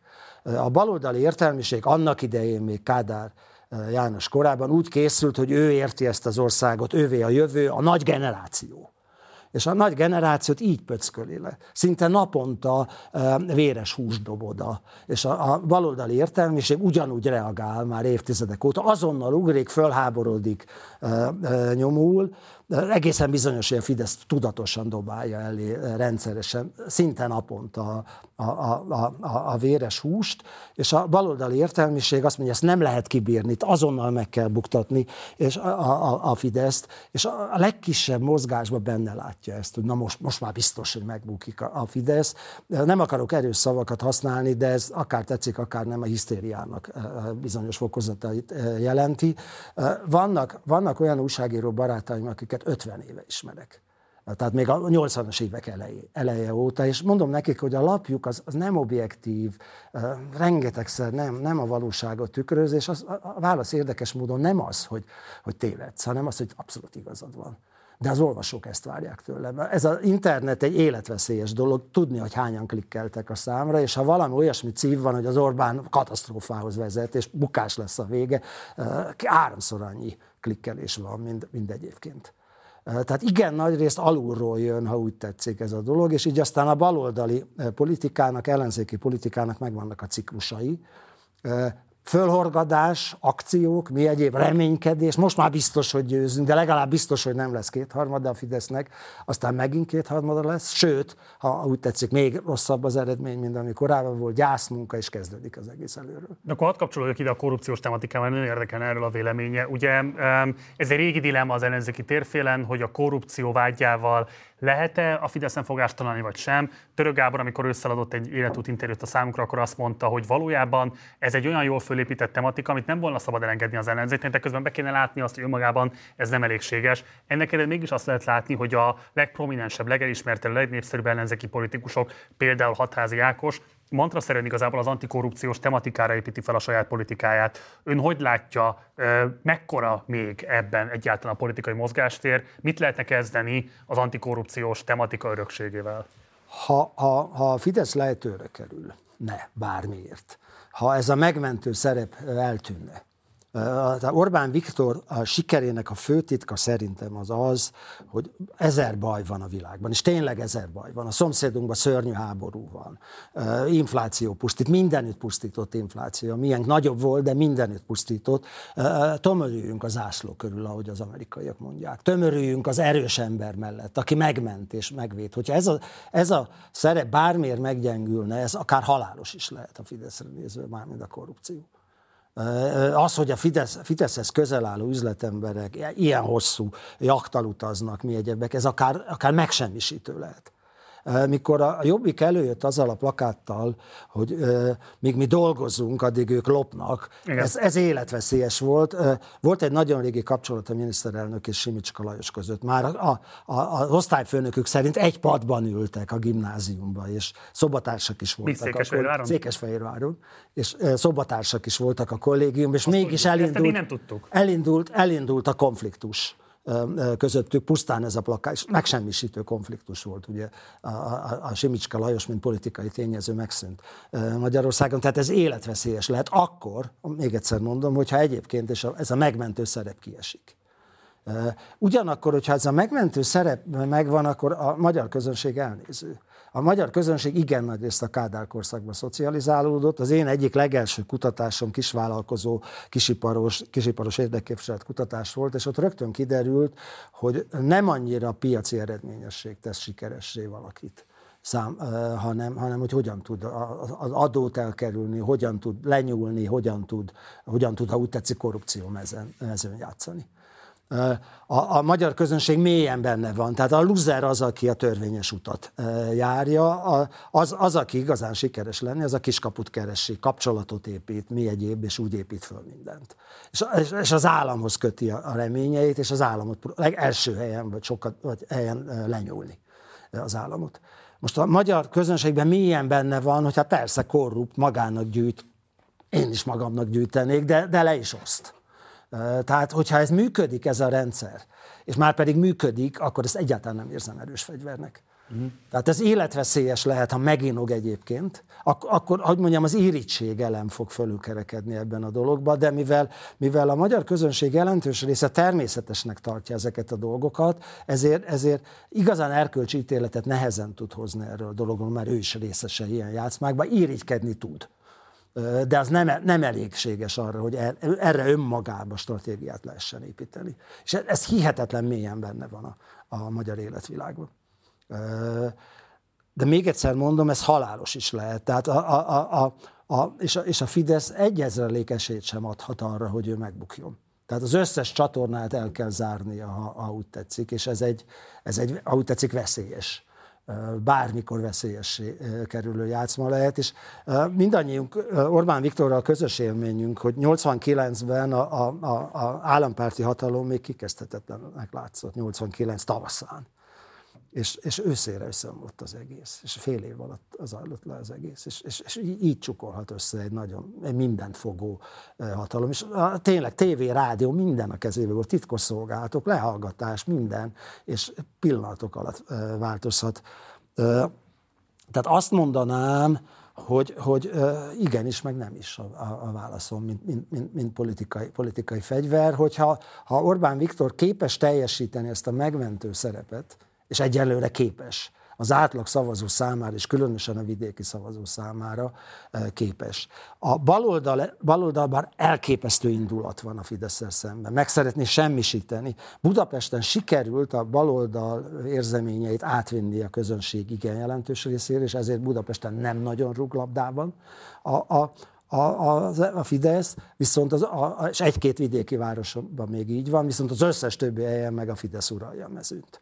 Tehát ha kérdezné, az önkormányzati választáson alapvetően a mostani erőviszonyoknak a, a, a megismétlődését vélem. Elveszíthet egy-egy, egy-egy vidéki városban lehet változás, de nem nagyon hiszem, hogy a, a, a Fidesz le tudná győzni a, a főpolgármestert, és itt nem annyira a teljesítmény számít. Itt is elindulnak a, a mechanizmusok. Most hangzott el a miniszterelnök beszédébe ez a nyomjuk krahácsot dolgot. A, a, a Karácsony Gergelynek az egész működése arról szól, hogy mindenért a kormány a hibás. Mindenért a kormány a felelős, és ezt a budapesti közönség el is fogadja, már csak azért is, mert részben igaz is. Tényleg vont el a, a, a kormány forrásokat és, és, és alapvetően, bár felére csökkent a különbség a legutolsó választáson a Budapesten, mármint a önkormányzati választásokhoz képest, a, 2000, a 19-es önkormányzati választásokhoz képest 22-ben, tehát a Fidesz közelített Budapesten is, és nagyon jellegzetesen a nemzetközi trendeknek megfelelően a globalizált, magas státusú elit az egyre inkább arra szavaz nálunk is, és az, a, a kisember az, aki a, a Fideszhez fölzárkózik, független attól, hogy ki mennyi támogatást kap. Itt, ha úgy tetszik, mindenki félreértésben van, kulturális és egyéb okokból. Ugyanakkor egyáltalán nem érzem valóságosan sikeresnek Karácsony Gergelynek a városvezetői képességeit. Ha, ha van ember, ha úgy tetszik, ő az, az új baloldalnak a leginkább jelentős megjelenítője a magyar politikában, ami egyfelől jó, hogy van ilyen is, mert ez egy nagyon fontos nemzetközi trend, de, de, de meglátszik a működésében az összes problematikussága is. Olvastam egy remek amerikai elemzést a bicikliről, a városi bicikli közlekedés preferálásáról, és mi egyébként baloldali írta a, a tanulmányt, és azt mondja, hogy ez egy tipikus egyetemi osztálypolitika, hogy a fiatal, dinamikus, egyetemen fölnőtt, egyetemi világhoz gazdag elitek, akik bent laknak a városközpontból, nagyon drága ott lakni, annak a, annak a, a, a, a, a vágya ez a dolog, és az alsó középosztály ez kintről, távolabbról jön, Amerikában jóval rosszabb a tömegközlekedés, mint nálunk, ők autóval igyekeznek be, akár másfél-két órát is utazva, kétszer ugye oda és vissza is, tehát nagyon-nagyon vigyáznék játszik ezzel a dologgal. Ez úgy tetszik a, a campus bal, új baloldalnak a, az ideája ez, hogy az autó az ciki, helyette, helyette tessék tömegközlekedni, meg tessék biciklizni.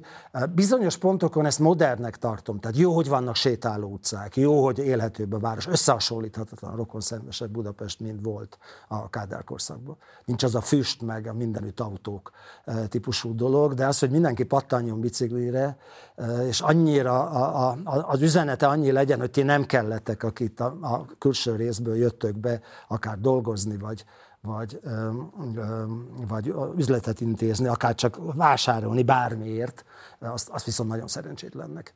De mondjuk azért ebben az üzenetben Vitézi Dávid is osztozik meg azért alapvetően, amikor még Füriás Balázs meghatározó szereplője volt a kormánynak, akkor ő is maga is említette azt, hogy az elővárosi közlekedés az egész egyszerűen gyilkolja szó szerint egyébként a városban élőket, a pufog, kipufogó gázkibocsátásokkal és így tovább. Ez... És emiatt érdekelne az, hogy bár azt mondja, hogy nincs igazából senki, aki veszélyeztetné Karácsony Gergely újrázását.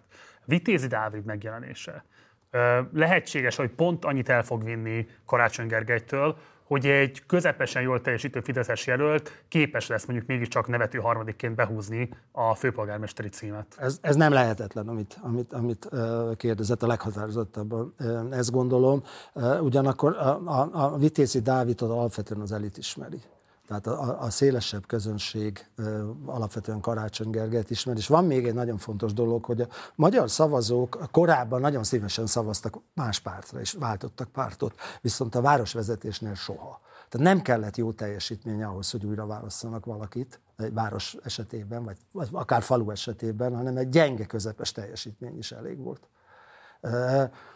Demszki Gábor hát, egyáltalán nem volt istene, ha úgy tetszik, a, a, a városvezetésnek, és, és 20 évig volt főpolgármester. Hm és ő is kapott sorra kihívót, meg, meg, meg, meg minden csoda, tehát vigyáznék ezzel a, vigyáznék ezzel a dologgal.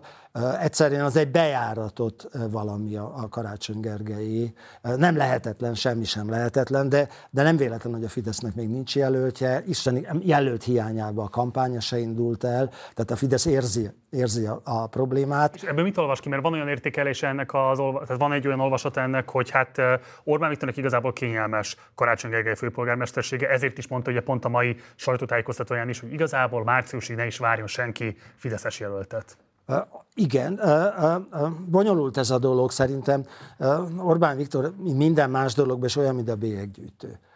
Egyszerűen az, hogy a székes főváros hívjuk szándékosan így, az ellenzéki kézben van, azért mégiscsak irritáló.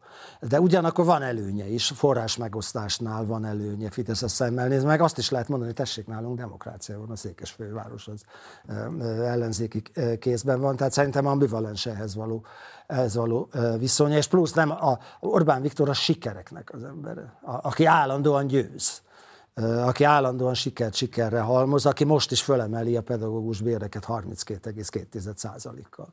Ez, ez, a, a, az ígéretek szintje egyelőre. Január 1-re szól az ígéret, tehát nagyon hamar, nagyon hamar kiderül ez a dolog, hogy ez tényleges. A, a három évre szól a 800 ezer forintos átlagkereset, és a, rögtön a 32 százalék. Szerintem ez tartani fogja, és, és ez, egy, ez egy nagyon erős húzás arra, a, arra a szakmára. Ez megint mutatja, hogy nincs már válság. Illetőleg itt egy komoly, magyar viszonylatban egy komoly tiltakozás potenciál volt az iskola ügy körül és, és lám a kormány szerzett az EU-tól pénzt, meg, meg egyébként is, és, és tessék, már is, már is a megmentő jön és segít. Eddig nem tudott, de most már segít. Nagyon komoly érdekek fűződnek hozzá, hogy ez, hogy ez teljesüljön. A, a, az első éves ígéret szerintem teljesülni is fog. Szóval summa summarum azt akarom, azt akarom mondani, hogy azért mégiscsak Karácsony Gergely a, a főesélyese. Egy ponton viszont nagyon meggyengülhet az a választási rendszer módosítás, ami egyébként mélyen beleillik a baloldali elképzelésekbe, hogy legyen egy arányos rendszer. A korábbi, ez, ez tulajdonképpen visszatérés a korábbi rendszerhez. A korábbi rendszer a, a Fidesz többségét biztosította, hogy a kerületi polgármesterek legyenek a, a, a tagok. Igen. Előállíthatják azt a helyzetet, különösen ha bejön a két farkú kutyapárt, bejön a Mi Hazánk mozgalom, hogy a Karácsony Gergelynek nem lesz a testületbe többségét. Igen. Tehát ez, ez, ez, ez, való, ez valós vesz. Tehát az, hogy a karácsony veszít, azt nem tartom lehetetlennek, de nem tartom valószínűnek, ez viszont erősen valószínű. Hát ezért is nagyon ravasz ez a módosítás, mert gyakorlatilag azzal, hogy karácsony mögött nincsen érdemi pártámogatás, ezzel lehetővé teszi azt valóban, hogy egy rendkívül töredezett közgyűléseken kormányozni a... És, és a veszekedések, tehát lám, lám, lám, ezek nem csak Egerbe veszekednek, hanem Budapesten is. És... Hadd térjek vissza még egy pillanatra a főpolgármester választás kérdéséhez, mert ugye 2019-ben bár abszolút többsége volt Karácsony Gergelynek Tarlós Istvánnal szemben, ezzel együtt is azért 6% pontos volt igazából a különbség. Tehát, hogyha Vitézi Dávidot mégiscsak elindítja az LNP, ugye erről szólnak most a hírek, nem kizárt, hogy azért egy 5-6%-os eredményt Vitézi Dávid képes leszállítani ebben a városban. Egy jó jelölt, aki a Fidesznek a kevésbé rokon szemes vonásait az ellenzéki közönség szemében nem hordozza magán, elégséges lehet-e ahhoz, hogy megfordítsák Budapest főpolgármesterének a személyét? Csak azt tudom megismételni, amit előbb mondtam. Tarlós István nem volt rossz jelölt. Tehát részint, részint volt már polgármester, komoly önkormányzati tapasztalattal rendelkezett, és ő, ő felé, ez a konzervatív vonás, ne változtass, ez ő felé hajlott. de hát a kora miatt alig, ha ő lesz a jelölt ebben a dologban. Nem is építették az elmúlt nem, Így van, őt. így van, úgyhogy, úgyhogy valami új jelölt lesz. Én inkább az előző verziót tartom hogy, hogy vigyáz, ezzel a, vigyáz ezzel a Fidesz, de, de Budapest föl fogja mutatni azt, vagy jobban föl fogja mutatni még az eddiginél is, hogy nem igazán kormányképes. A, az egyik titka a Fidesznek, hogy, hogy, hogy csak én vagyok a piacon. Vannak a múlt emberei, ugye Gyurcsány és a társai, és vannak az újak, akik, akik van, akit rendes embernek tartunk, milyen, milyen kedves, aranyos, nem bán senkit, csak nem kormányképes. Hm. Engem lehet, hogy nem szeretsz, de én tudok vezetni. Sokszorosan bizonyítottam, most adok 32% béremelést. A karácsony mennyit ad a BKV sofőröknek?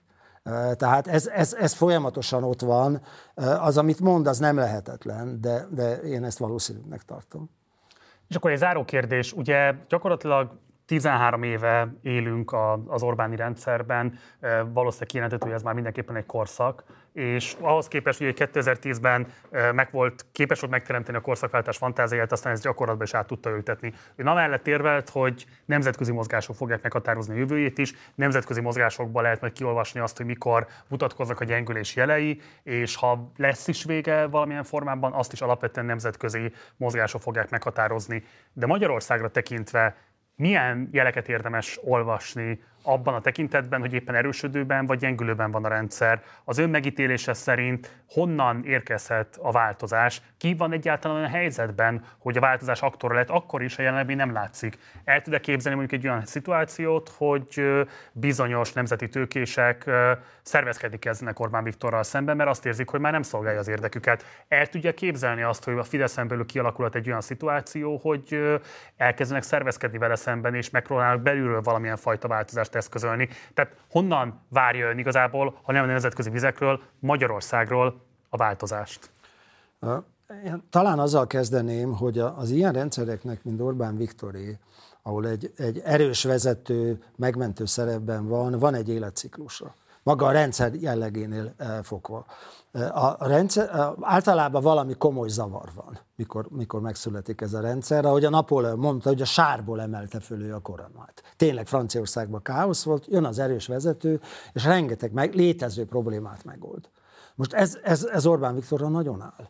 Tehát a káosz rendszere volt, lemaradó ország volt, alacsony foglalkoztatottsággal, rosszul működő adórendszerrel, mi egyébbel, rengeteg problémát megoldott.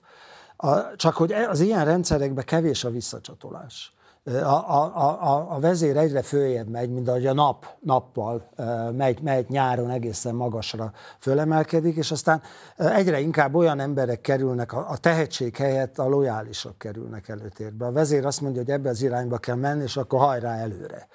Nincs, aki, nincs, aki korrekciót csinálna. Az óriási sikerek tesznek még inkább elbizakodottá.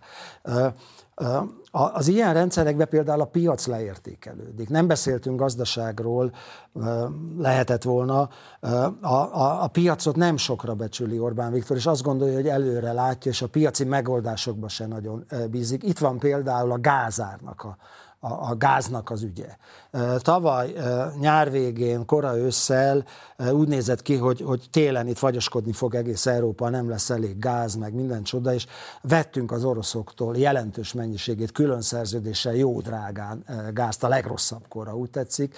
Minden tudásom szerint a miniszterelnök döntése volt, és senki nem mondhatta neki, hogy a piac azért fog működni karácsonyra már működött, és tavaszra pedig szinte helyreállította, magasabb szinten, de elfogadható árakat állított helyre. És ott van a sok gáz a magyar tározókban, amiket drágán vettünk, és részben ezért nem tudja a rezsi csökkentés fölötti nagyon magas árat csökkenteni, mert nincs elég visszacsatolás mindenki fut a vezető felé. Mikor, mikor jött a járvány, akkor az elején tényleg nagy, nem volt se állarc, se lélegeztetőgép.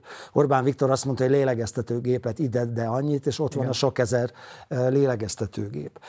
Szóval egyszerűen van egy, van egy pont, amikor a zenitre jut ez a rendszer, és akkor, amit a régen a görögök hübrisznak hívtak, mostani politológiai nyelven meg stratégiai túlterjeszkedésnek, részben ez folyik külpolitikába, elindul, elindul egy negatív szakasz ezeknek a rendszereknek. Valahol ott a zenit körül körül van jelenleg a Fidesz rendszer, de bármikor bekövetkezhet a lefelé vezető út is. Tehát vannak belső mozgások is.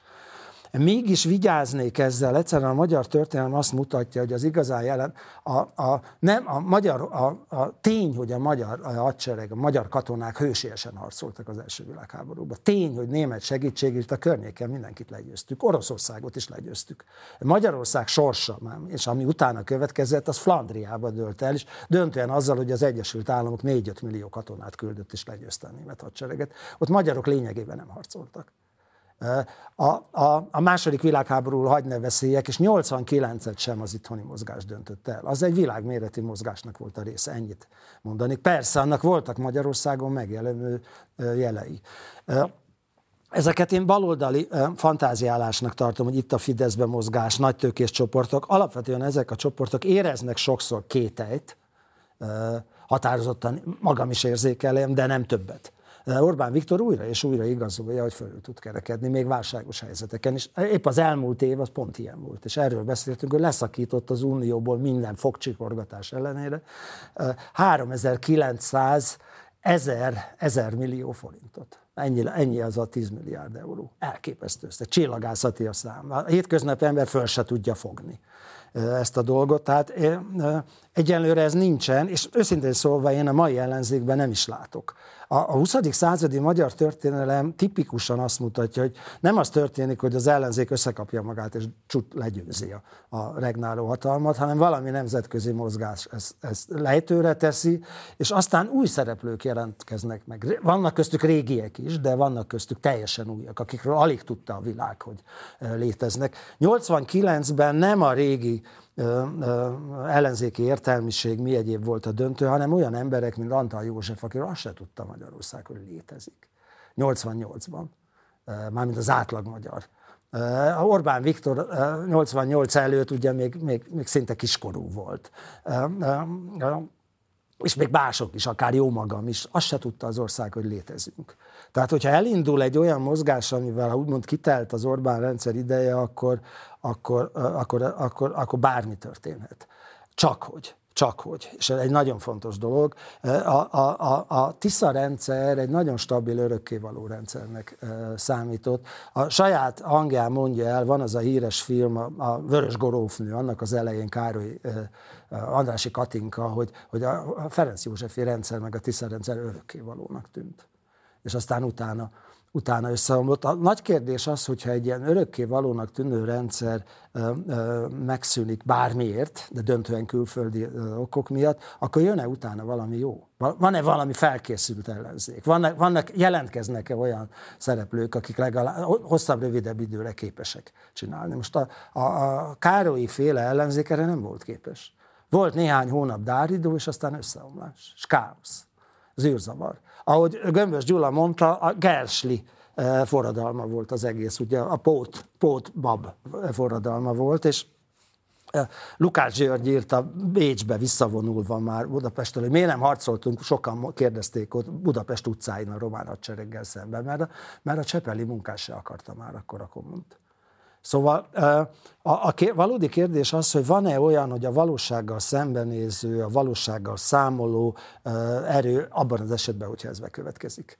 Most ezért érzem, önmagában különösebben nem érzem veszélyesnek az ellenzék értelmiségnek ezt a, ezt a ebbehúrtja magatartását, de ez pont ezt nehezíti a, a valódi problémákkal szembenéző, valódi változásokra képes, nem hat hónapra, hanem, hanem egy új tartós rendszer építésére képes világra volna szükség, mert ez az ország az örökös rendszerváltások országa.